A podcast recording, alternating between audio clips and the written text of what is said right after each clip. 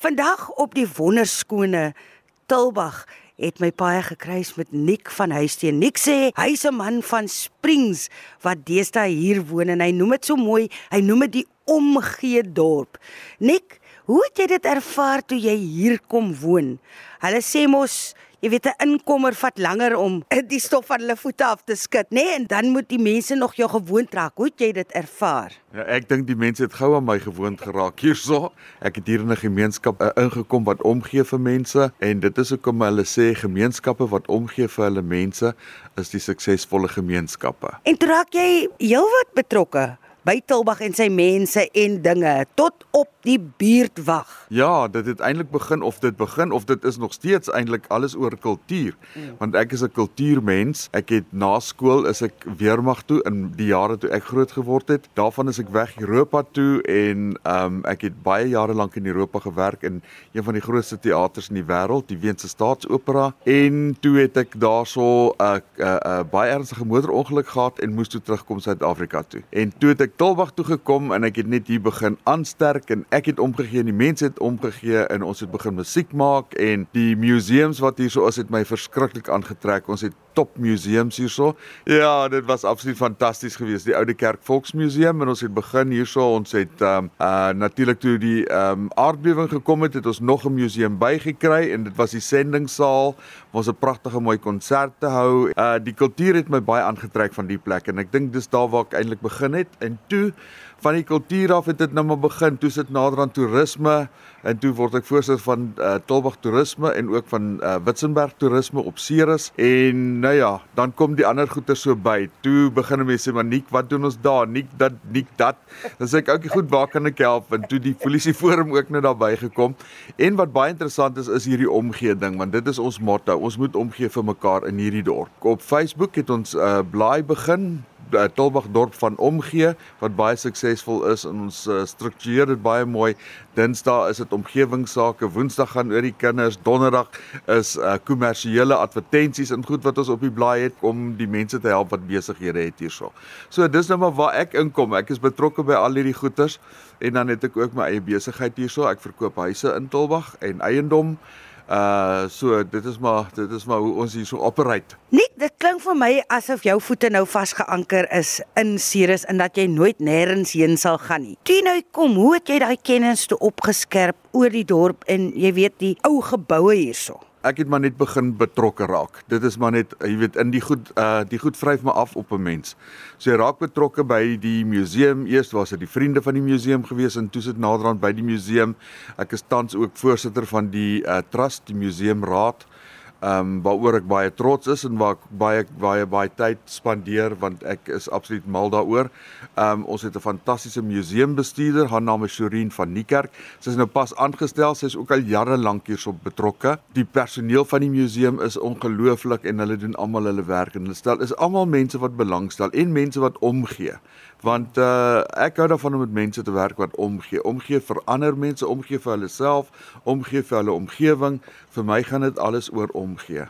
Hierdie ou geboue in die straat, Kerkstraat waarin ons nou sit. Elkeen het sy eie geskiedenis, maar dit moet omtrent 'n taak wees om hierdie geboue in stand te hou. Wat is julle uitdagings? Die museum hou hulle geboue in stand en dan het ons ook hierso um, wel ek dink almal wat hier bly in die straat gee om vir hulle plekke en hulle hulle jy weet almal is trots op die ou geboue wat hulle het en hulle hou dit in stand en hulle kyk mooi daarna en ehm um, daar's so hier en daar iemand wat nou oor die tou trap wat nou 'n muur wil bou wat nie eintlik moet gebou wees nie en so en dan moet 'n mens maar sê want kyk hierdie muur pas nie hier in nie so ons wil nie die muur hier hê nie en dan maak ons 'n plan en ons gee om vir mekaar so ons help mekaar waar ons kan. So jy praat nou oor mure wat nie inpas nie so dit moet alles deel wees van 'n sekere soort boustyl. Ja, dit moet uh, eie wees aan die boustyl wat natuurlik hier so in Kerkstraat is en dis die Kaapshollandse boustyl en dit is ons erfenis so ons moet ons erfenis oppas en die museum gaan alles oor erfenis dis wat vir ons belangrik is. Dit begin by huis nommer 4 of huis uh, nommer 4 is die um,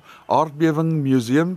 Soos jy weet Tolbag was baie erg getref deur 'n aardbewing 6.3 op die Richter skaal, magnitude van 6.3 en um, daarna het hulle die straat weer opgebou. Die straat was omtrent heeltemal vervalle gewees. Dit is die museum wat ons sê dit is die aardbewingsmuseum.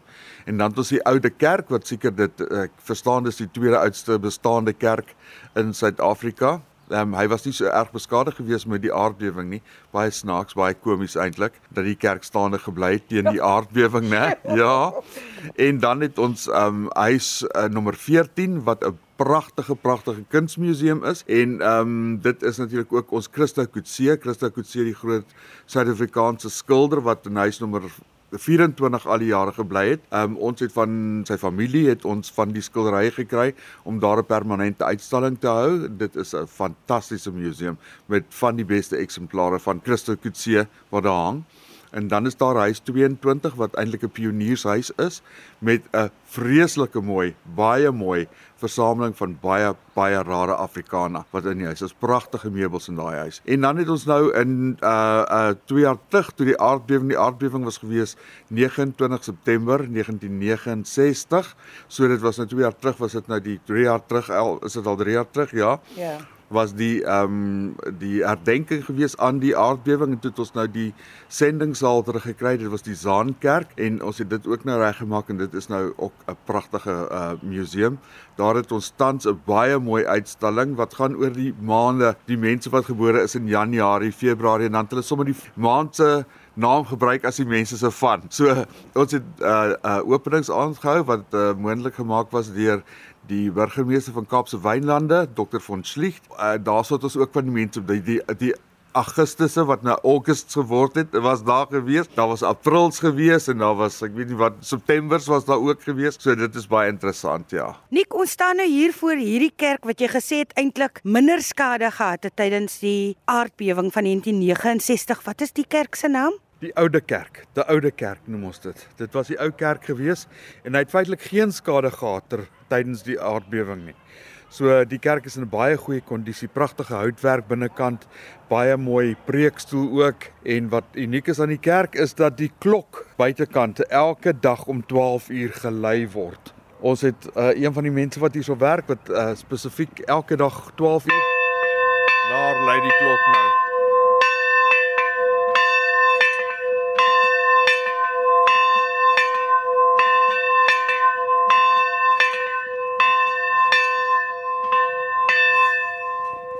Amper soos in die Kaap waar hy kanon 12 uur afgeskiet word. Dis reg. Dit het al 'n instelling geword hierso. As die klok nou om een of ander rede, miskien sou lei nie, dan kom vra die mense, wat het gebeur kom lei die klok nie. Ek wil net gou binne in die kerk ingaan, die mooiste leiklip op die vloere. Wat is daai geluid net? Dit is die simfonium wat binnekant in die kerk hang en hy het vroeër het hy met 'n penny gewerk en mens moes 'n muntstuk daarin gooi om te laat speel. Maar nou speel ons hom graag en wys vir die besoekers hoe pragtig die musiek is. Hy word opgewen en dan ehm um, dan kom hy met hierdie pragtige musiek wat ons dan na luister. Hoe oud is dit? Weet jy? 1750 min of meer, verstaan ek. En hy het verskillende skuwe wat hulle insit en dan word dit gespeel. En hierdie ene sien ek hier staan nou op. Dit is een of ander dans gewees. En daar's nog 'n nommer daar op 9074. So ek neem aan daar is sekere uitgawe hoeveel van die, maar ons het 'n paar van hulle en dit word gereeld gewissel sodat mense die verskillende klanke kan hoor. Op die oomblik wat baie interessant is is die ou stoele uitstalling in die kerk. Ehm um, Tolbag is natuurlik ook bekend vir sy Tolbag stoel waarvan hier ook eksemplare ehm um, beskikbaar is. En dan ehm um, het ons pragtige jy kan sien die meubels is in topgehalte wat hier so ja. in die ou kerk staan, ja. Jy sien mense moet gerus kom kyk, kom kyk self hier op Tilbag na die pragtige de oude kerk. Dit is absoluut lieflik. Jy sê nou die dag het jy so ietsie gevoel. Ja, 'n week gelede was ek um, by die museum gewees, by die aardbewing museum, um, vir 'n vergadering en ewe skielik is daar net 'n 'n geraas. en die mense sê, "Wat was dit?" En die een sê, "Want dit was nou 'n aardbewing geweest." Ek sê, "My vader, wat gaan nou verder gebeur?" Maar dit kom en gaan so, ons het uh, redelik gereeld het ons so 'n klein tremmertjie hierso en dan voel ons dit so. Hulle sê dit hou ons aan die gang.